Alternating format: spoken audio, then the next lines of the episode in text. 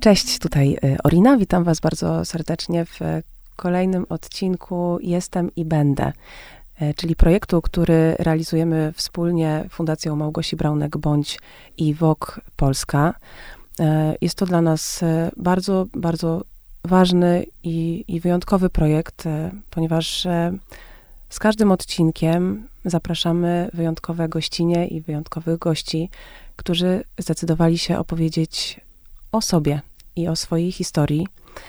Um, historii, którą nazywamy kryzysem zdrowotnym, ale tak naprawdę um, mam nadzieję, że, um, że dzisiaj też bardziej skupiamy się w nim na tym, co z tego kryzysu wyniknęło, gdzie i teraz już mówię, e, Żenia, do ciebie, gdzie jesteś dzisiaj jako e, gościni tego odcinka. Jeszcze chciałabym powiedzieć tylko e, dwa słowa, że bardzo, bardzo zapraszamy was do przeczytania tekstu, pięknego tekstu Żeni, który dzisiaj się ukazał na WOK Polska mm, i pięknych zdjęć, które możecie zobaczyć, więc cały projekt jest w takim tryptyku i bardzo, mm, bardzo was do tego zapraszamy. A za mną jest Żenia Aleksandrowa.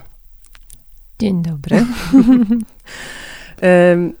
przed chwilą rozmawiałyśmy chwilę y, dosłownie o tym, że bardzo y, y, trudno jest zazwyczaj skrócić siebie i swoje bio w jednym zdaniu, o co tak, cię poprosiłam. Zajmuję, kim jestem. No najczęściej mówię o tym, że zajmuję się od kilkunastu lat edukacją seksualną i pracuję z seksualnością. To jest jedna rzecz. E, ale też mam wykształcenie pedagogiczne i byłam animatorką kultury, pedagogzką teatru, pracowałam w teatrze, zajmowałam się konsultacjami scen intymnych. Um, pracowałam w, jakby w bardzo różnych obszarach. Teraz pracuję jako konsultantka do spraw HIV i AIDS, e, gdzie e, rozmawiam z klientami, którzy przychodzą przetestować się w kierunku właśnie HIV, HCV i kiły. E, I może na tym skończę, bo mogłabym tak dużo, dużo, dużo tak, choć, o, o, choć na pewno o tym jeszcze powiem, że w ostatnim czasie e, zaczęłam nowe studia i studiuję mm. terapie naturalne, więc mm. jakby cały czas, całe życie myślę, że będę się do końca życia uczyć. Mm. Rozumiem, że, że nowe studia są związane z tym, o czym dzisiaj głównie będziemy rozmawiać, tak. czyli z twoją historią. Tak, to jest na pewno coś, co do mnie przyszło w związku z, z tematem e, chorowania i zdrowienia to, to zaczęłabym od takiego podstawowego pytania. Mhm. Na co chorowałaś? E, ja dostałam diagnozę raka piersi. W krótkim czasie też oczywiście okazało się, że już z przerzutami. Mhm. Pewnie zapytasz, jak to się zaczęło. Zaczęło się w taki sposób, powiedziałabym, nietypowy może, ale dla mnie typowy od snu, który, który się pojawił sen spowodował, że jakoś dotarło do mnie, że w zasadzie mając 30 chyba wtedy co, jed, dwa lata, nigdy nie byłam, nigdy mój ginekolog nie badał mi piersi. Mm, a mam historię nowotworową w rodzinie. Moja mama chorowała e, około tam 10 lat temu. I tak przeczulona jakby w tym temacie skusiłam się do niego, żeby, żeby zrobić badanie. E, zrobiliśmy USG, zrobiłam USG piersi. No i okazało się, że mam liczne zmiany w obu piersiach, e, niegroźne zmiany, torbiele. A nie wyczuwałaś tego nie, wcześniej? Nie, wtedy nie miałam, jakby żad, nic nie wyczuwałam, po prostu po, profilaktycznie chciałam mhm. zbadać piersi, nie? Mm, no i te liczne zmiany były jakby nie niepokojące, ale była jedna zmiana, która, którą nazwano włókniakiem i że no okej, okay, trzeba po prostu za pół roku zrobić, powtórzyć badanie, bo jakby standardową procedurą jest, że co pół roku robić to badanie i zobaczyć, co się tam dzieje. Mm, ja jakoś bardzo byłam uparta, że coś, coś mi mówiło, żeby zbadać się wcześniej, więc chyba po trzech miesiącach zrobiłam kolejne badanie. Okazało się, że ta zmiana troszkę się powiększyła, ale nieznacznie i nadal jakby była informacja, że to jest nic niegroźnego, więc jakby nie przejmować się, wrócić za pół roku, bo takie są standardowe procedury. Hmm. Ja pamiętam, że też w ogóle to było jakieś dziwne, bo, bo później trafiłam przez e, projekt jakiś taki, e, jak jest Miesiąc Świadomości właśnie w kontekście raka piersi, były darmowe e, badania USG organizowane przez jakąś firmę, nie pamiętam teraz. I to też było bardzo mm, no, inspirujące, że mogę, to akurat wtedy pamiętam, że, że ta kwestia finansowa była jakoś dla mnie problematyczna, więc ucieszyłam się, że mogę zrobić darmowe badanie piersi. Mm, no i znowu okazało, i z, zrobiłam je wcześniej. Znowu jakoś tak czułam, mm. że muszę wcześniej. Te pół roku wydawało mi się strasznie długo. A bardzo I- się denerwowałaś tym y, wtedy, czy miałaś takie poczucie, że nie. to nie, ale że lepiej jest sprawdzić no, właśnie to słyszałam, wcześniej? Tak, cały czas słyszałam, że to jest włókniak. Próbowałam tam oczywiście w internecie od kogoś się dowiedzieć, co to jest. I jakby Mm. trudno, Tak. trudno było się, trudno, opinie były takie niejednoznaczne. Mhm. Bardzo ciekawe to jest, jak, jak właśnie, jak, jak reagujemy na jakąś informację, bo nie, niektóre osoby mają tak, że właśnie zaczynają bardzo szukać dużo Tak. informacji w internecie, lęk się pogłębia, wiadomo, Mhm. internet po prostu y, to jest y, tysiąc i jeden różnych możliwości, a zazwyczaj tych najgorszych, Tak, tak. y, a niektórzy właśnie mają tak, że mm, tak jak, tak jak mówisz, coś sprawdziłaś, Ja- a bardziej słuchałaś po prostu tego, co ci Tak. podpowiada, nie wiem, po prostu intuicja. Ja wiadomo, że też przez historię mamy byłam Mhm. bardziej wyczulona na to, żeby dokładniej się zbadać. Ale też pamiętam, że był taki moment właśnie chyba przy tym trzecim już badaniu, że lekarz, dostałam jakieś polecenie do lekarza, który jak się okazało był po drugiej stronie ulicy, w ogóle tam, gdzie mieszkałam, więc mówię, dobra, to pójdę, dowiem się. Terminy były jakieś strasznie odległe na NFZ, to też jakby ważna kwestia w tym temacie. Tak. Ale ja czułam, że ja muszę pójść do tego lekarza. Nie wiem, też nie, nie, nie wiem, miałam takie przeczucie. Siedziałam, pamiętam, na korytarzu i mówiłam, że e, jak on wychodził, że ja muszę do niego. I on po prostu mówił, że no nie ma możliwości, że najbliższe terminy tam za, za rok i że no nie. E, A ja siedziałam i siedziałam i siedziałam chyba z parę godzin. W końcu stwierdził, dobra, już wejdzie pani, bo już po prostu nie da mi pani spokoju. No i znowu słyszałam taką diagnozę, że proszę się nie martwić, nic się nie dzieje, za pół roku kolejna, e, kolejna, mm, kolejna wizyta. No i tutaj chyba po kilku miesiącach, po może trzech miesiącach kolejnych, ja wyczułam jednak guzek. Jakby zmiana się Mhm. powiększyła na tyle, że to było wyczuwalne pod palcami. No i to wiadomo, jakoś mocniej mnie zaniepokoiło. Mm, no, ale znowu słyszałam, że to nic, nie groźne, ni- nic groźnego, więc proszę się nie martwić, powtórzyć I to było badanie. kolejne USG. Tak, Czyli standardowo, rozumiem, diagnostyka polega na y, USG. tak. Mhm. I, I ewentualnie po prostu z USG kieruje się na biopsję lub inne, Tak, y, potem tak. już kolejne pogłębione badania. Pewnie też można zrobić mammografię, no ale zwraca, jakby mając na uwadze mój wiek, to pewnie nikt, nie, dlatego pomyślał nikt nie, nawet. nie myślał mamografii, tylko to USG. Mm, no i, i ja pamiętam, że wtedy odpuściłam. Stwierdziłam, dobra, już przestań po prostu drążyć. Już usłyszałaś tyle razy, że to jest nic, nic to nie jest nic groźnego. Po prostu kobiety mają liczne zmiany w piersiach. Nie ma kobiet, tak słyszałam, nie ma kobiet, które nie mają zmian w piersiach, zawsze coś jest. e, Włókniak to jest nic. Jeżeli się powiększy e, jakoś w krótkim czasie znacznie, no to wtedy trzeba o tym, nad tym się zastanowić, a tak to po prostu czekać i obserwować. Ja cały czas to słyszałam. Za pół roku powtórzyć, czekać i obserwować. No ale czekanie i obserwowanie to jest bardzo stresująca Tak, tak. sprawa.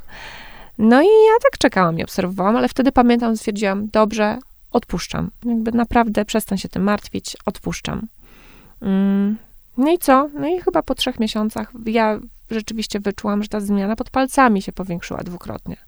Bardzo szybko. To jest krótki czas na, Mhm. na to, że dwukrotnie się zmiana powiększyła, więc już tutaj e, byłam, no, konsekwentnie poszłam do tego samego lekarza, też starałam się jakoś jak w miarę tutaj kontynuować. I pamiętam, że i wtedy usłyszałam, że to na pewno nie jest rak, że no tak, to dziwne, że zmiana się powiększyła dwukrotnie. No ale dobra, już jak pani chce, to zrobimy tą biopsję. Pani jest młoda, za młoda na, na, na raka. No i okej. No i zrobili mi tą biopsję. No i czekałam na wyniki. Pamiętam, że, że im bliżej do, do wyników, to ja już po prostu czułam i wiedziałam, że Mm. diagnoza będzie taka. A czy e, twój, jeszcze tak dopytam, twój nowotwór był nowotworem e, zaawansowanym rakiem piersi, e, jakiegoś bardzo zaawansowanego czy złośliwego stopnia? I wiesz, co jest ciekawe, że mózg wypiera pewne rzeczy. Mm. Pewnie gdybyś mnie teraz tak, ja zapytała, tam są różne oznaczenia, prawda? Ja nie pamiętam, bo jakby jestem w tym momencie, w którym jestem, to jestem rok po chemioterapii ostatniej, tam rok, nie, rok więcej, z półtorej roku po ostatniej chemioterapii, rok po operacji e, e, i pewne rzeczy wy, wypadają z pamięci. To jest zabawne dla mnie, bo ja pamiętam, że jak mamę pytałam różne sprawy, to ona mi odpowiada, nie pamiętam. Ja mówię, jak możesz nie pamiętać Ja to bardzo dobrze rzeczy? rozumiem. Przecież to jest po prostu, jak nie pamiętasz? No, i no, A szczególnie jak się nie pamięta negatywnych rzeczy, to jest... No. y, Coś, oczywiście, że y, wiadomo, że ja, ja mam tak, że y, pamiętam takie zazwyczaj plamy emocjonalne, no. czyli coś, coś, że jakiś okres na przykład dla mnie w życiu był, Był związany, trudny, po no. prostu był trudny i był związany z jakimiś emocjami, ale tak y, i, ciekawa jestem w ogóle, jak to jest, że na jakimś głębokim poziomie właśnie decydujemy się na to, żeby przejść przez coś i Już potem to zostawić za tak, sobą. no bo jesteśmy tu i teraz, nie? Jesteśmy tak, dzisiaj. tak, tak.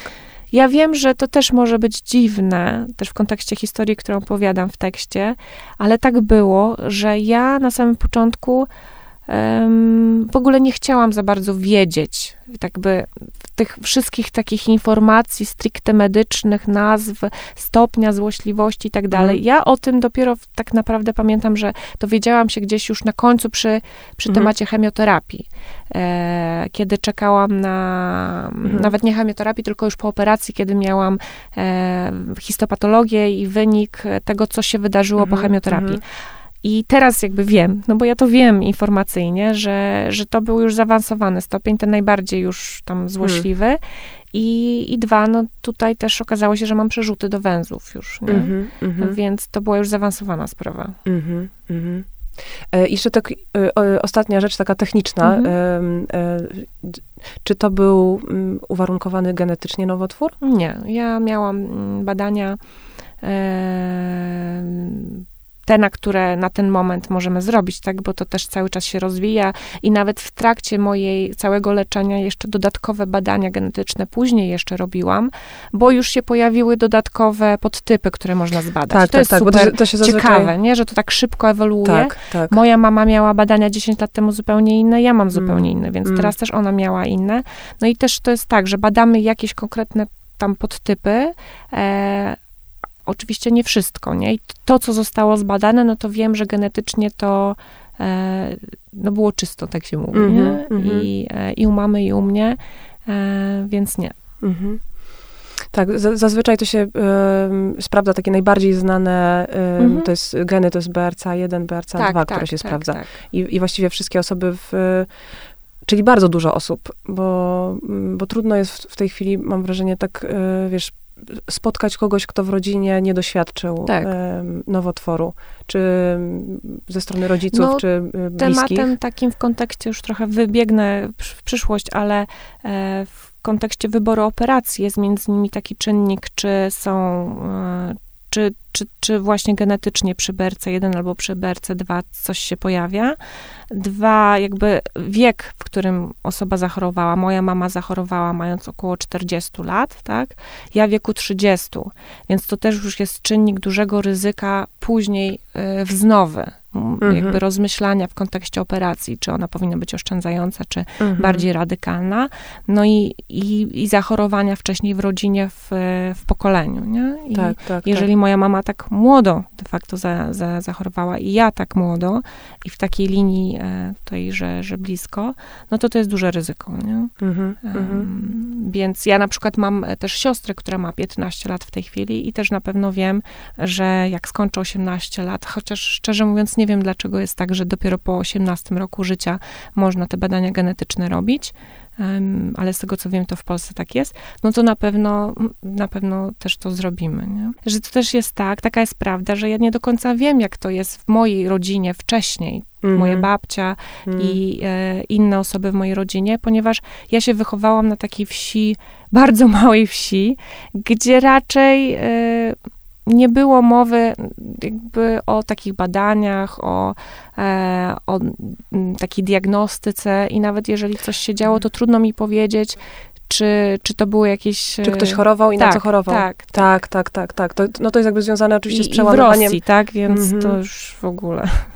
To jest, to jest myślę, że związane z, z w ogóle przełamywaniem tematu tabu e, wewnątrz, w rodzinie, wstydu, Mhm. w, wstydu związanego z chorobą. No to jest jakby z, Mhm. jeszcze kolejny temat, Mhm. taki na poziomie po prostu ym, ym, tego, jak traktujemy chorobę.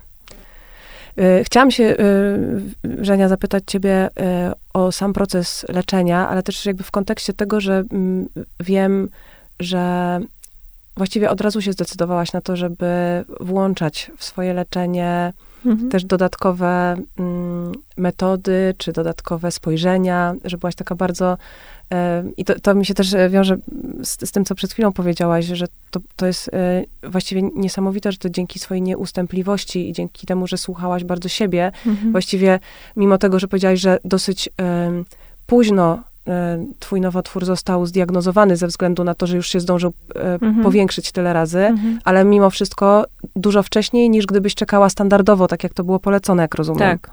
No tak, gdybym czekała, to nie wiem, tak. by było. A jednocześnie y, tak samo było z, z różnymi metodami, które zaprosiłaś do swojego leczenia. Mhm. Ja jestem osobą, która bardzo ufa y, ufałam swojej zawsze intuicji i podążałam za różnymi sygnałami, które się pojawiały i z ciała, i z.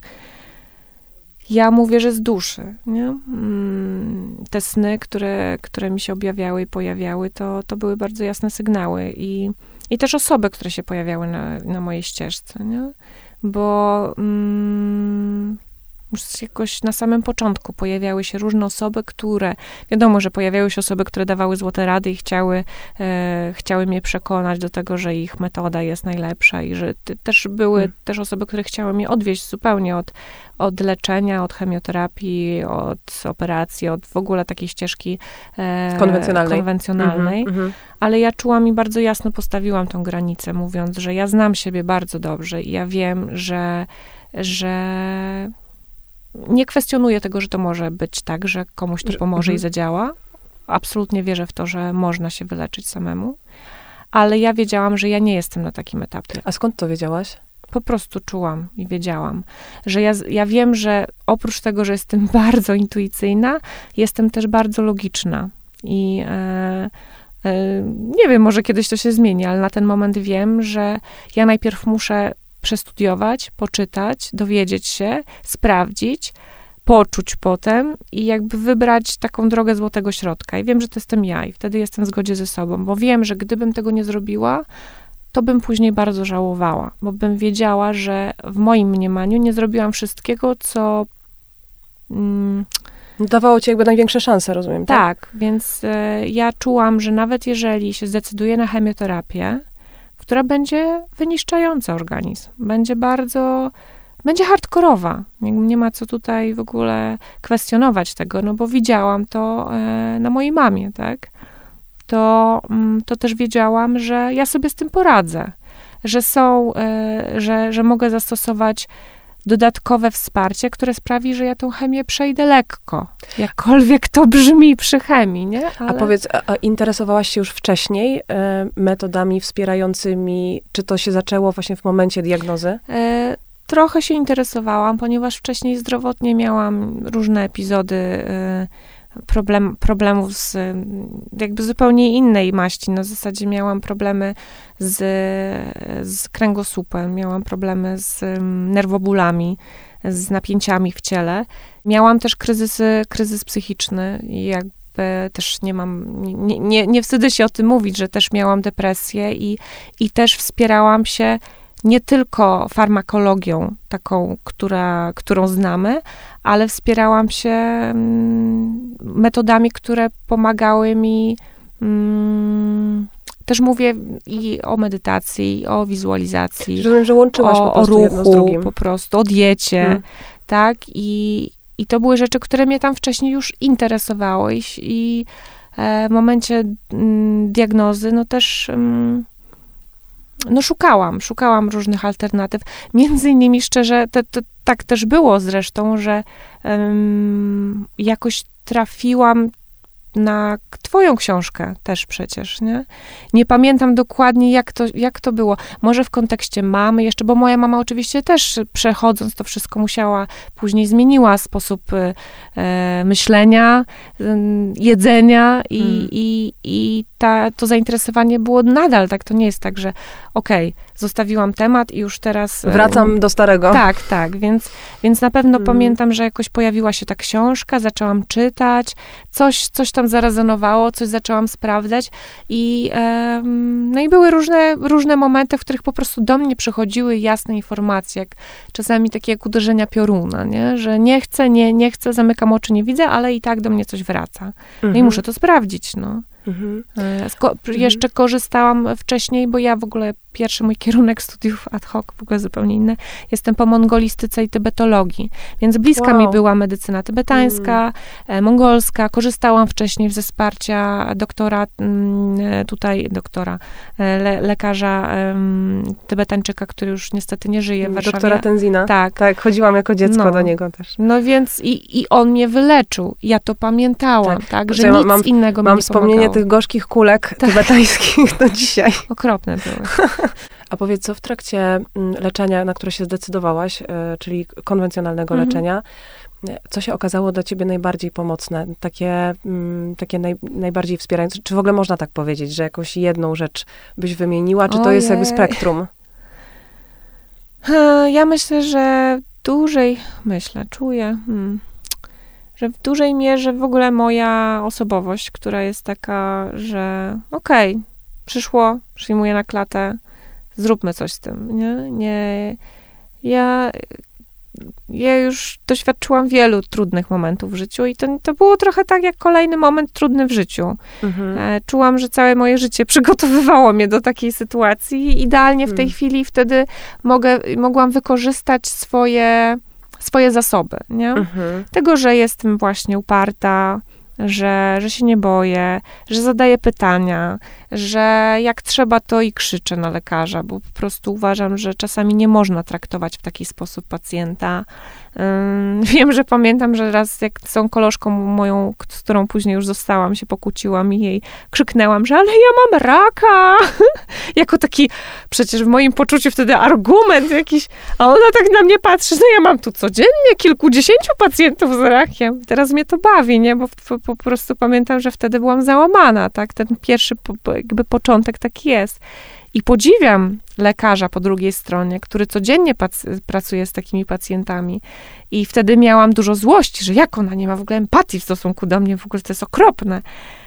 Ale miała bardzo dużo empatii, bo ja się popłakałam i ona hmm. w końcu, w końcu też się uspokoiła i doszłyśmy do, do jakiegoś porozumienia.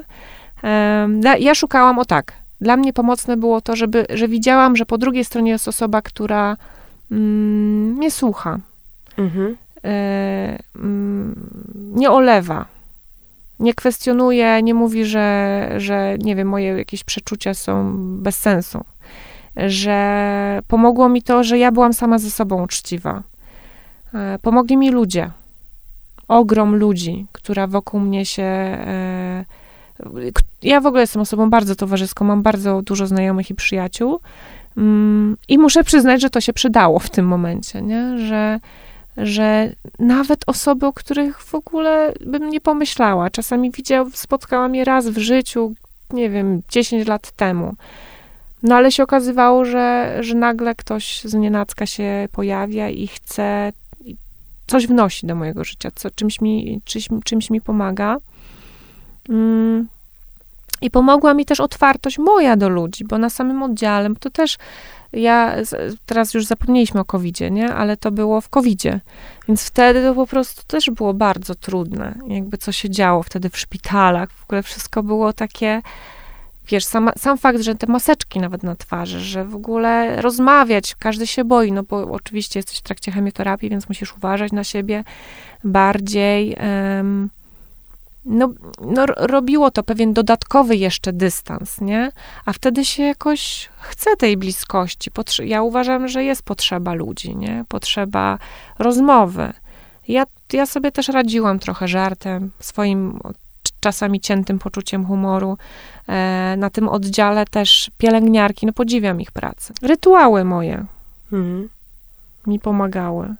Ja sobie znalazłam sposoby, nie? Pamiętam to chciałam tą historię chyba opowiedzieć, mhm. bo bardzo, bardzo, bardzo to jest, e, uważam, też takie moje, że wyszłam któregoś dnia ze szpitala po chemioterapii mm, i byłam taka, no nie miałam jakiegoś chyba dobrego nastroju akurat wtedy. I mówię sobie, dobra, Żenia, kieruj się dzisiaj sercem po prostu. Idź, idź tam, gdzie serce cię poprowadzi. No i nie spodziewałam się, że tak to łopatologicznie świat zrozumie, bo szłam, szłam, szłam i nagle patrzę na ziemi na graffiti serce. No dobra, ciekawe. Idę dalej, patrzę na ścianie znowu graffiti w serce. Takie różowo-niebieskie. To w Poznaniu, bo jakby całe leczenie miałam w Poznaniu. No i, i dalej na drzewie serce, na jakiejś tam skrzynce rozdzielczej serce. I tak nie przesadzając, było z kilkanaście serc w różnych miejscach. I szłam sobie ulicą dalej. W którymś momencie się skończyły. Wie, okej, okay, to może przejdę na drugą stronę ulicy. Tam nie było, przeszłam na kolejną, patrzę, tam w ogóle wystawa sklepowa i jakiś sweter. Czerwony, chyba w czarne serce, albo odwrotnie. Ale serca. Mówię, wow, okej, okay, wchodzę. Weszłam tam i znalazłam się dla mnie w raju, bo to okazało się, że to jest sklep z ciuchami vintage. E, właśnie. I ja kocham stare rzeczy, jestem starą duszą. I po prostu to było niesamowite. Ja zaczęłam rozmawiać z dziewczyną, która ten sklep mm. prowadzi. No i my w zasadzie od, od, od razu się bardzo, bardzo zbliżyłyśmy, polubiłyśmy. I, e, no i Angela, i się śmieje, bo Angela w ogóle, jak, to samo imię jest bardzo anielskie, jak taki anioł nagle mi się objawił. I ja po prostu stworzyłam sobie taki rytuał, że po chemioterapii przychodziłam do niej na kawkę, sobie pogadać, troszkę na ploteczki, trochę coś. No i przy okazji sobie obejrzeć te ubrania, które są po prostu niesamowite i te ubrania między innymi się pojawiają w sesji. Ja też mm. sobie nie wyobrażałam, żeby jakiekolwiek inne ubrania mm. były na tej sesji zdjęciowej bo one mi dawały radość. Ja tutaj, Właśnie to, to no... chciałam też zwrócić na to uwagę, bo e, nie widzicie, ale zobaczycie na zdjęciach, bo jesteś e, osobą, która w ogóle emanuje kolorem. Tak. takimi e, żywymi kolorami. Mm. I czy to też było coś takiego, co, co tobie świad pomagało? Tak. Świadomie. Tak. nie, bez, nie bez powodu kupiłam różową perukę. Marzyłam o różowych włosach zawsze. Ja wiem, często w ogóle to jest ciekawe, że dużo kobiet w temacie nowotworowym kupuje różowe peruki. Coś w tym jest, mam wrażenie. Mm. Mhm. że to jakby mnie się to przewijało, choć akurat ja miałam jedyna różową perukę na oddziale i kupiłam sobie szczególnie takie nogi, e, nogi, Boże, włosy do pasa, bo ja takich sama nigdy nie wyhodowałam, bo mam raczej takie cienkie włosy. I, I wspaniałe to było. Ja pamiętam, jak e, moja mama chorowała i I też i taką e, sobie mm, taką kupiła perukę e, loków. Tak? Ja tak, loki tak, też tak, bardzo chciałam, tak. ale nie pasowały mi. No, moja mama właśnie powiedziała, że zawsze marzyła o lokach, nigdy nie miała loków. Tak, i że to jest okazja, tak, żeby tutaj spróbować. I powiem ci, że, że ba bardzo mm, to, to, jakby co ze mną jest i co ze mną właśnie jako taka no taka, tak, taka, takie emocjonalne wypełnienie z tego czasu, to było też to, że e, moja mama pod, e, wprowadzała bardzo dużo radości na oddział. I to było, i pamiętam, sama siebie złapałam w pewnym momencie na takim w ogóle jakimś takim sabotowaniu, takim mikro, mhm. bo e, moja mama była, uprawiała jogę śmiechu wtedy, mhm. jako jeden z, z, z, właśnie ze wspomagających rytuałów. Mhm. No i w szpitalu mnie poprosiła o to, żebyśmy zrobiły właśnie jogę śmiechu, bo ona w ogóle z koleżanką przez telefon robiła tą jogę śmiechu. Super. Codziennie rano. I ponieważ ta koleżanka gdzieś tam wyjechała, no to mówi, dawaj, zrób ze mną tą jogę śmiechu. I ja pamiętam w sobie e, taki, taką sztywność, która mi się mhm. uruchomiła, że może nie wypada, że jest dużo smutku przecież, tak. że, w, że co my będziemy. I potem miałam taki, wiesz, taką myśl, która za tym od razu przyszła, że w, że w ogóle, po pierwsze jakby kim ja jestem, żeby tu, e, mhm. w sensie jestem wsparciem w mhm. tym momencie i, e, i w ogóle jakby o co chodzi, co to mm. za w mhm. ogóle szlaban. Dla mnie to jest taka ogromna odwaga e, w tym, o czym mówisz i czego też właśnie doświadczyłam dzięki mojej mamie, że żeby przełamywać te, wiesz, to, do czego jesteśmy przyzwyczajeni po prostu, czyli przełamywać to, że nie wiem, nie wypada zadać pytania, że boimy się, że jest tak. szaro-buro, bo wiadomo, że nie ma pieniędzy na to, żeby wykończyć szpital na kolorowo i tak dalej, i tak dalej, ale jest pewna sprawczość w tym e, po, po naszej stronie, czyli właśnie nie, nie, wszyscy może będą chcieli mieć różową perukę do pasa. Ktoś no może tak, będzie chciał tak. mieć zieloną i krótką, albo coś innego, ale szukać takich dróg wsparcia, które, które mogą wnieść to, ten kolor, życie, światło, mm, ale to jest jakby oczywiście na głębszym poziomie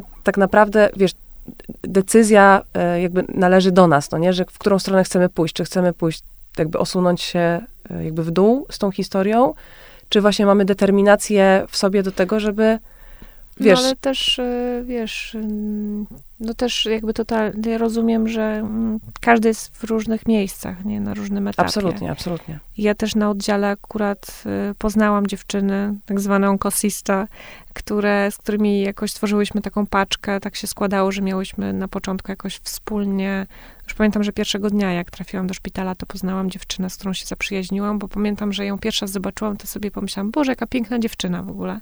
A później się okazało, że jesteśmy razem w pokoju, nie? Mm. I e, już się jakaś nawiązała interakcja. Do dziś będę pamiętała taką scenę, bo zgubiłam kolczyk, który był dla mnie jakoś ważny, bo musiałam przed tam wjazdem, bo miałam też w port w, wczepiany w E, w ciało, żeby mm, nie podawać, bo teraz w tej chwili się w, nie podaje chemii dożylnie raczej, tylko po prostu właśnie ważne jest, chociaż to nie jest takie oczywiste, nie, nie wszędzie i nie zawsze i czasami trzeba o tym mówić, nie? I to też było dla mnie ciekawe, że ja akurat miałam całe szczęście, że ten port jakby dostałam, przez który się podaje chemię. Niektórzy nadal nie wiedzą o tym i dostają dożylnie, co jest po prostu ryzykowne. I w ogóle w temacie tym nowotworowym jest troszkę tak, że w każdym szpitalu trochę jest inaczej, różne są finansowania, e, nie o wszystkim się wie, więc taka, e, taka mądrość tych osób, które już tam są na oddziale, po to mm. też uważam, że warto się integrować i rozmawiać, mm. bo wszystkie te sytuacje, takie przyziemne, Orina, takie wiesz, że nie wiem, masz e, problemy z wypróżnianiem się. Jakby mm. ja się nie boję o takich rzeczach mówić, no bo podczas chemii to jest masakra. Są różne rzeczy, które się nagle w organizmie pojawiają, z którymi nie wiesz, co masz zrobić. Tak. No i, i co? Najlepsza jest doświadczona koleżanka z oddziału, która już wie, nie? że trzeba, e, że nie wiem, można zastosować e, mm, e, siemielniane, e, czy, czy jeżeli, nie wiem, ja pamiętam, że miałam problemy z mm, Boże, co ja chciałam powiedzieć? Już się zgubiłam. Coś o rokitniku chciałam powiedzieć. No w każdym razie, a ja miałam też, y, na przykład ja miałam mega problemy, z, zmieniło mi się, rytm, miałam trachykardię, nie? Jakby przez chemię, czyli miałam bardzo niskie ciśnienie, a bardzo wysokie tętno. Mhm. I to jest bardzo trudne, bo nie ma na to leku, ale to sprawiało, że w trakcie chemii nie masz siły, nie? I dla mnie takim, y, ja wcześniej nie byłam jakąś kawoszką i nagle zaczęłam pić kawę, bo kawa powodowała, że troszkę mi to ciśnienie się podnosiło, i mogłam coś zrobić. Albo właśnie piłam sok z rokitnika, który, nie wiem, na mnie tak działał, że zimny szot z takiego mega kwaśnego czegoś powodował, że jakby mm -hmm, coś, mm -hmm. coś z siebie Energia. mogłam wykrzesać, nie? I takie różne, e, różne rzeczy, o których moja mama nie pamiętała, bo ja pytałam, ja mówi, no przecież no nie pamiętam. Nagle się okazywało, że mogę właśnie dowiedzieć się, dowiedzieć się tak?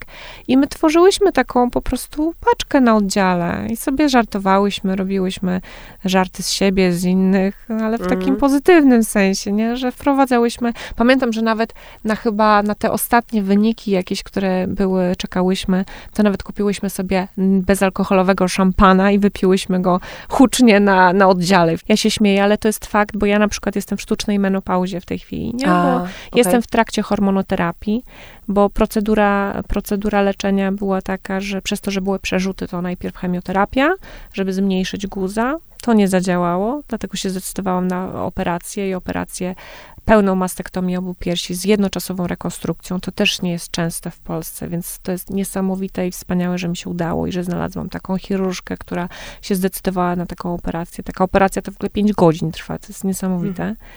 E, jeszcze, jeszcze, jeszcze minął rok, jeszcze się goję jakby po tym, no bo to jest usunięcie wszystkiego, co w piersiach jest, nie? Więc to jest blizna, która jest... I węzłów chłonnych. I węzłów, tak, w moim przypadku jeszcze węzłów chłonnych. No i jestem w trakcie hormonoterapii, czyli przyjmowania mm, zastrzyków i leków, które mają na celu e, z, mm, ochrony przed wznową, tak? I procedury lekarskie są takie, że powinna taka hormonoterapia trwać od 5 do 10 nawet lat. Co jest dla mnie bardzo trudne, bo to spowodowało w ogóle oczywiście to, że jestem w menopauzie, mając 34 lata i to jest, y, między innymi z tego powodu są problemy z pamięcią. Hmm. E, już, e, no teraz jest bardzo gorąco, więc też kontek kontekst wycięcia węzłów powoduje, że jest ryzyko mm, Um, Boże, jak A, puchnięcia. Opuchnięcia. em, Tak, tak, i takiej dystry, e, dystrybucji, zaburzonej dystrybucji wody w organizmie i Tak, limfy. Muszę uważać w ogóle, nie mogę na przykład iść na, do sauny, muszę uważać na takie temperatury e, wysokie. No mam, mm, mam ograniczone pewne e, aspekty życia, nie? Seksualność się bardzo zmienia. W ogóle też, o, chciałabym o coś o tym, na ten temat powiedzieć, bo tym się zajmuję. Jasne, jasne. Ale, em, no ale też wiem, że to nie jest tak, że mm, nic nie można z tym zrobić, Mhm. nie? Mhm. I, em, ale na pewno ten temat em, Hmm. jest dla mnie bardzo ważny, nie? I ciekawe jest to, jak moje postrzeganie mojego ciała, mojej seksualności też się poprzez e, to doświadczenie zmieniło. A jak się zmieniło? Um, Jak się zmienia może? jak się e, zmienia i pracuje, nie? Bo też pamiętam, i to jest takie bardzo ciekawe, że mm, wiele kobiet na pewno w takim czasie się wycofuje w ogóle z życia, nie? Seksualnego. No bo po pierwsze, raz, że jesteś zaanga- zaangażowany totalnie w chorowanie tutaj, w zdrowienie. Ja mówię o zdrowieniu, no ale to cię wykańcza. Wykańcza cię po prostu też fizycznie na początku, nie? Przełomowym momentem było to, że że wiesz, e, był też taki moment, że ja jeździłam, bo ja leczyłam się w Poznaniu, ja mieszkam w Warszawie, więc e, a zdecydowałam się na leczenie w Poznaniu ze względu na to, że tam jest moja mama, moja siostra, moja rodzina. No i potrzebowałam, żeby ktoś się mną zajął po prostu, bo to nie dałabym rady sama. I, em, ale chciałam mieć swoją taką oazę też spokoju, więc wciąż miałam, e, chciałam utrzymać jakby mieszkanie w Warszawie, żeby móc tam wracać, bo potrzebowałam czasem oddechu trochę, bo, bo kocham bardzo moją mamę, jestem jej za wszystko bardzo, bardzo, bardzo wdzięczna i jest po prostu niesamowitą e, osobą i strasznie ją kocham. Ale z każdą rodziną na dłuższą metę Słuchaj, to potrzeba trochę w każdej przerwy. rodzinie. Nie, sobie żartuję. Akurat naprawdę z mamą było, Mm. mieliśmy bardzo, zacieśniły nam się relacje i, i dotarłyśmy się do siebie bardzo. Ale no to potrzebowałam i w którymś momencie, wiesz, i te leczenie, i suplementy, dodatkowe badania. Ja, ja korzystałam tak, naprawdę jakby korzystałam z dodatkowego wsparcia i właśnie z akupunktury, z medycyny chińskiej, z ziół, z mm, CBD, z, z ozonoterapii. Z ziół chińskich to wiem, że, mm, że korzystałaś z ziół chińskich, które są bardzo przebadane w kontekście w ogóle e, w, Tak. e, wsparcia w leczeniu onkologicznym i szczególnie w, w chemioterapii. Więc to jest jakby ważne z perspektywy w ogóle mm, takiej e, integralnej i, i łączenia mm, tego, co zazwyczaj było e, Mhm. takie e, rozumiane jako właśnie alternaty, alternatywa i versus versus, to, e, to są zioła, które są naprawdę mm, wspierające w leczeniu onkologicznym i potwierdzone jest to badaniami. Ale mimo wszystko, że jest potwierdzone badaniami, to wiesz, y, że jak przedstawiałam to lekarzom, to, to byli sceptyczni. Wiesz, to, I to tak, było tak, dla mnie tak. bardzo też trudne, nie? Kiedy Mhm. ja akurat stosowałam zioła, które są przebadane, tak jak mówisz, to nie były Tak, ja, ja może powiem, że Mhm. odeślę tutaj do e, was, jeśli ktoś jest zainteresowany, do doktora Jaira Majmona, który zajmuje się mm, badaniem e, wpływu ziół chińskich w leczeniu onkologicznym em, w Izraelu od, od kilkudziesięciu lat. Jest to e, absolutnie fascynująca postać i wspaniała i zrobił po prostu tyle dla e, połączenia i dla integracji i dla włączenia tradycyjnej medycyny chińskiej w leczeniu onkologicznym, jak pewnie mało kto na świecie. E, I właśnie o tych, e, o tych ziołach mówimy, które Tak. wyszły spod, przebadane spod doktora Majmona, ale wiesz, to, to, to oczywiście jest inny wątek, ale je- jest bardzo ciekawy, jak docierać z Do wynikami lekarzy. badań do lekarzy, oczywiście. Ja kilkukrotnie jakby wracałam z tym tematem. Ja otwarcie mówiłam onkolożce, że stosuję różne rzeczy i mieliśmy zgodę na to, kiedy mogę, kiedy, kiedy to będzie, nie, nie będzie wchodziło w interakcję, nie? I na przykład wiem, że oczywiście zdania są różne i podzielone. Ja na przykład przyjmowałam grzyby e, e, chińskie, e, które, które stosowałam mm, dopiero po zakończeniu chemioterapii, bo zgodziliśmy się co do tego, co do tego żeby nie, nie, nie jakby nie... że nie wiadomo, jak Nie jak wiadomo, jaka będzie Mhm. interakcja. I okej, dlatego ja korzystałam jakby z wiedzy lekarskiej, próbowałam to ze sobą łączyć, ale to, to jako ciekawostka chciałam powiedzieć, że bardzo to jest dla mnie ciekawe, że na samym początku, jak zaczynałam brać chemię, e, to jak mówiłam o wpływie o CBD z odrobiną THC, bo tu jakby tu jest, to jest ważne jednak w kontekście leczenia onkologicznego, to moja onkolożka była bardzo na nie. A pod koniec chemii okazało się, że była na jakiejś konferencji, gdzie była informacja o tym, że są najnowsze badania i tak dalej. Tak. Najnowsze, już dawno temu, ale dobra, dla mnie ba mhm. bardzo ważna informacja, że nagle się okazało, że okej, okay, jest zgoda i w ogóle mhm. i e, ja też nie chcę mówić, że lekarze są tacy źli, bo ja wiem, że ich, o, ich obowiązują różne procedury. To takie, takie pytanie, które ym, w sumie dla mnie jest jakby clue takim i, i dzisiejszej rozmowy i całego y, w ogóle twojego tekstu, tego o czym mówisz, to jest to, gdzie cię to zaprowadziło i gdzie jesteś dzisiaj przez cały ten czas pojawiały się um, zawsze, no zawsze ta, myślę, że taka sytuacja stawia cię twarzą, w, jakby sytuacja, w której stajesz twarzą w twarz ze śmiercią, z tematem śmierci, no daje ci remam, taki robi ci remament w życiu, nie? Um, zaczynasz się zastanawiać w ogóle po co to wszystko i czy, czy, czy co ja mam dalej ze sobą robić i w ogóle po co ja żyję, nie? Um, ja muszę przyznać, że bardzo mało miałam takiej sytuacji, kiedy myślałam w ogóle, że umrę. To też jest dla mnie bardzo ciekawe, że ja byłam taka, że jakoś mocno przekonana o tym, że ja mam jeszcze misję do zrobienia na tym świecie, wiesz, że, że tak jest, ale jednocześnie miałam takie poczucie, że gdybym umarła, to nie jest to takie ważne. Nie wiem, nie wiem jak to nawet ubrać słowa, ale że, że śmierć mnie przestała jakoś przerażać, hmm. wiesz? Stała mi się po prostu bliska. Że, że to jest tylko jakiś etap, gdzie ja jestem w życiu, i, ale jeżeli już jestem w tym życiu i coś tutaj na ziemi mam do zrobienia, to po prostu powinnam posłuchać tego, co mam do zrobienia, bo może coś mi daje jakieś sygnały, nie?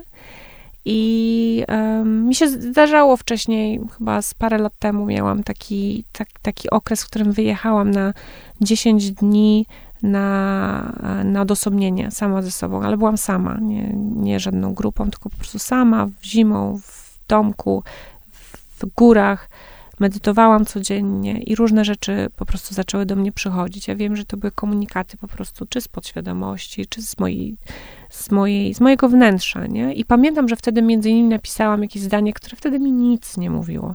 Napisałam, bo ono się pojawiło, że będę pracowała z ludźmi, pomagała ludziom, ale nie tak jak dotychczas, tylko będę bardziej szamanką. Ja się aż zaśmiałam z tego, mówię, mhm, jasne, szamanką. No dobra, ciekawe. No i teraz, parę lat później, to wszystko się wydarza i... A to było jeszcze przed chorobą? Tak, to było tam z trzy lata temu chyba. Pamiętam, że miałam też taką osobę, która, taką prostą kobietę, Basię, która ktoś powie, że jest szamanką, szeptuchą.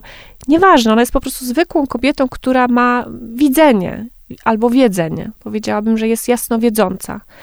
I ona mi gdzieś zasugerowała, że to jest też informacja, że ty powinna coś z tym zrobić, że masz jakieś, masz na pewno jakiś większy kontakt z intuicją i z energią niż większość osób, więc coś z tym zrób. I zasugerowała mi tą szko szkołę i studia. Ja tak jakoś sceptycznie do tego podeszłam, ale za tam parę miesięcy znowu ten temat wrócił rykoszetem tam od kogoś innego. I chyba trzeci raz, jak do mnie wrócił jeszcze od kogoś innego, stwierdziłam, no dobra, już nie bądź taka ślepa na te wołania i em, głucha raczej. I, e, I zadzwoniłam tam, czy tam jakieś miejsca są, czy nie. Miejsc nie było już. Mówię, no to trudno. Ale zadzwonili do mnie chyba za 15 minut, że a, jednak coś ktoś zrezygnował jest. Mówię, no dobra, no tak, już tak, to niech będzie. I zaczęłam studia z terapii naturalnych, nie? I powiem ci, że co jest dla mnie największą takim szczęściem i radością, że jak tam na pierwsze zajęcia trafiłam, to poczułam, że ja jestem w końcu po prostu po tylu latach wreszcie w tym miejscu, w którym powinnam być, że jestem z mm. ludźmi, którzy są wspaniali, że mamy przekrój wiekowo od 20 tam do 60 lat. Są to głównie kobiety, jest tam parę, paru mężczyzn, ale głównie kobiety. I ja się czuję tam fantastycznie. Ja, ja nie wiem, czy ja będę to robić. Ja wiem, że będę w życiu pomagać ludziom dalej, bo ja wiem, że to jest moja ścieżka życiowa. A powiedz, czy myślisz, że gdyby nie historia, która ci się przydarzyła, czyli mm. historia choroby, to znalazłabyś się w tym miejscu, o którym mówisz dzisiaj, że to jest miejsce pewnie twoje? Pewnie tak, tylko inaczej. Mhm. Życie pewnie inaczej by mnie e, wywróciło do góry nogami, wiesz? Mhm. Ja w ogóle to jest bardzo ciekawe. Teraz na przykład miałam, tydzień temu, to już to akurat gadałyśmy o tym, że miałam włamanie na, do swojego mieszkania. Moje życie zostało dosłownie przewrócone do góry nogami. Jeszcze raz. I ja tak wszystko to zobaczyłam i sobie pomyślałam, naprawdę, że no i co? Przeżyłam te dwa dni, nie? Przeżywałam, ale później sobie pomyślałam, serio, jakby, no okej, to są tylko rzeczy. Y, To wszystko jest nieważne. Ja jestem zdrowa, nie? Nic mi nie jest. Ja żyję, nic mi się nie stało. I to było niesamowite też, że, że tak to poczułam, że jedyną rzecz, o którą się zmartwiłam, jak weszłam tak naprawdę do mieszkania, był ślimak, którego mam od dwóch miesięcy. Mam swojego małego ślimaka, który mnie uczy. Orina śmieje się, Nie, ale ja się on śmieję. mnie uczy slow life'u, E, naprawdę. proszę potwierdzić, że mam łzy w oczach. Tak, masz. Że, że znalazłam go ostatnio w, w ten, we Włoszczyźnie, którą przywozi mi pan tam z gospodarstwa, bo warzywka mam od pana. Przemka, bardzo, bardzo cudowne. Przemek, pan i warzywka. No i w każdym razie któregoś dnia był ślimak tych, tej Włoszczyźnie. Nie potrafiłam go wywalić, więc ze mną zamieszkał i ze mną jest. I ma swój domek. O, i to jest moim zdaniem bardzo fajna też metafora, że on swój dom ma w sobie ze sobą. I Ja też poczułam Mm. wtedy, że pierwsze co to, czy Stefa jest, czy Stefa żyje. Patrzę, No. śpi, wiadomo, ma w dupie to wszystko. Jedyny, który może coś powiedzieć o włamywaczach, ale śpi i nic nie widział. No ale dobra, i że Jedy, jedyny świadek. tak. I słuchaj, i Mm. co? No i on po prostu uczy mnie tego, że no nieważne, cała, całe wszystko jest we mnie. Nie? Ale słuchaj, mu- muszę to powiedzieć em, jeszcze zanim, zanim ci zadam e, ostatnie pytanie, ale e, jest taka wspaniała e, nauka, czy taka praktyka, którą opowiedział mi e, kolega. I ona się nazywa, em, przynajmniej tak, tak ją nazwał, street teacher, czyli Mm? po prostu jakby z, zmieniasz myślenie, y, czy y, taką perspektywę na taką, że każda napotkana Mhm. osoba, każde napotkane y, zwierzę, mhm. sytuacja, O, zwierzę, no. wszystko właściwie, co spotykamy wokół nas, może nas czego, czegoś nauczyć, więc pytanie jest takie, czego ta konkretna osoba, zwierzę, właśnie y, Tak. sytuacja ma mnie nauczyć. I to jest tak cudowne, i szczególnie właśnie jak się przekłada to na zwierzęta, no to już jest, y, no to już jest, y, tutaj ty osiągnęłaś poziom absolutnie mistrzowski. Slow life. Żenia, chciałam cię zapytać y, na Ostatnie koniec. pytanie, no. Tak, y, Nie. Mam kilka takich. Ale ym, chyba, czy, czy, jest, czy byłabyś w stanie, jak, jak, czy jesteś w ogóle w stanie podsumować, bo wiadomo, że rozmawiamy też o podróży, która trwa, ale czy jest coś takiego, co byś powiedziała, że, że ten proces cię czegoś, coś ci dał? Chodzi, Powiem, nie? co mi jest- przyszło do głowy, bo tak sobie pomyślałam, a co mi zabrał, nie? Mhm. Bo na początku można o tym myśleć w kategoriach, że bardzo, bardzo wiele mi zabrał, nie? Zabrał czasu, e, mm, No, pe- jasne. pewne osoby z życia, które zniknęły. Mhm. bo, taka, bo tak, taka sytuacja weryfikuje, bardzo mocno weryfikuje. Ja się nie zmieniłam Mhm. i się zmieniłam. Mhm. To jest też tak, tak trudne, nie? że tyle się zmieniło we mnie, ale ja, ja jestem sob- sobą. Nie? Mi na przykład to też to chciałam, e, żeby na zdjęciach, które są w artykule, żeby też było widać, że ja jestem cały czas tą samą Żenią. Nie? Jestem może trochę inaczej wyglądam. Nie? Mam, mam inne piersi, mam inne ciało. Miałam jeszcze taką myśl, że przypomniała mi się pani taka Helenka z oddziału. Em, była taka sytuacja, że byłam w szpitalu, wiesz, i, e, i zostawałam tam na noc. I była pani taka starsza, która miała wyjść tego wieczoru, ale się okazało, że miała jakiś atak i musi zostać. A że to był weekend, no to musiała zostać nagle na dwa dni, a nie tam, czy tam nawet trzy, że to był piątek wieczór, coś tam, coś tam, że do poniedziałku. I obudziło mnie następnego ranka, słuchaj, em, że słyszę, że dzwoni tam telefon głośno, bo to zazwyczaj jak u starszych osób, po prostu tak głośno, że wszystko słyszę, co tam po drugiej stronie telefonu i słyszę, że dzieci śpiewają jej 100 lat. Okazało się, że miała urodziny i na urodziny została w tym szpitalu. I mi było tak przykro, tak mi było przykro, że ona w te swoje urodziny musi w tym szpitalu. I słuchaj, była tam taka półka, często na oddziałach onkologicznych są takie półki z książkami, do, żeby sobie móc tam, z Fundacji Rock and Roll, y, żeby móc sobie po prostu czytać czy coś. I nie wiem, czy ktoś specjalnie, czy nie, ale to było bardzo urocze, że były kartki puste takie do wypisywania. I tam była taka kartka z okazji urodzin. Mówię, wspaniale, biorę. Wzięłam tą kartkę, przeszłam się po, po pokojach, poprosiłam, żeby ludzie się popisywali życzeniami. Oni byli tacy w ogóle w szoku. Co, jak, dlaczego? Mówię, nieważne, pisz życzenia. I, I co było dla mnie niesamowite, że poszłam do takiego jednego lekarza. I on się tak jakoś chyba też przejął tym i w ogóle, że też się tam wpisał i okej. Okay. I ja potem wróciłam do niej z tą kartką i słuchaj, przyszedł za chwilę lekarz i wszedł tam do, na oddział, e, do, tej, do pokoju i zaczął śpiewać 100 lat jej, mm. Ona się popakała, wszyscy się popakaliśmy i on też bombonierką przyszedł. O, jeszcze przed bombonierką, to pamiętam, pewnie on ją dostał gdzieś, ale nieważne. I ja byłam, i ona była też taka po prostu poruszona i wszyscy byli tacy wzruszeni, że kurczę, no da się. Z małych, małym sumptem tego, co tam było, po prostu wnieść jakąś iskierkę, ale też zadbać o innego człowieka. I to, co, to, co chyba tym chciałam powiedzieć, że ja czasami też jak mam, mam mało siły, wiadomo, że w pierwszym miejscu trzeba pomyśleć o sobie, nie? ale ja wiem, że na przykład dużo, dużo siły, i to jest moja część tego, dlaczego tak innym chcę pomagać, nie? Jest też to, że, że wnosząc jakąś iskrę do życia komuś, nie? I w takich trudnych momentach dając komuś taką nadzieję, to czuję, że często dwukrotnie sobie też daję, pod warunkiem, że robię to ze, szczerej, ze szczerą intencją i dbając najpierw o siebie, o, nie? dbając o swój, swoje zasoby. I wtedy to działa. I pamiętam, że, że no wszyscy byli tacy zaskoczeni, ten lekarz też nawet tym, że tak się zachował, nie? Że tak jakoś popłynął na tej fali, że no co, no trzeba. Um, no i chyba nie wiem, takim, takim akcentem chciałam jakoś, że, że po prostu zaczynając od siebie, e, trzeba sobie po prostu dać, siebie nakarmić, żeby później móc dawać innym. Nie? To jest coś, co jest coś, czego na pewno się nauczyłam, że nie robię tego, jak kiedyś robiłam. Mm. Że teraz, jeżeli coś robię, to robię to mm, najpierw z, pytając siebie, czy ja mam na to siłę, czy ja mam na to przestrzeń, czy mam na to czas, możliwości i że nie robię rzeczy za darmo. I żeby była jasność, to nie chodzi o pieniądze, tylko chodzi o to, że zawsze po prostu jest to jakaś wymiana. Hmm. Dziękuję, Żenia. I dziękujemy. Dziękuję.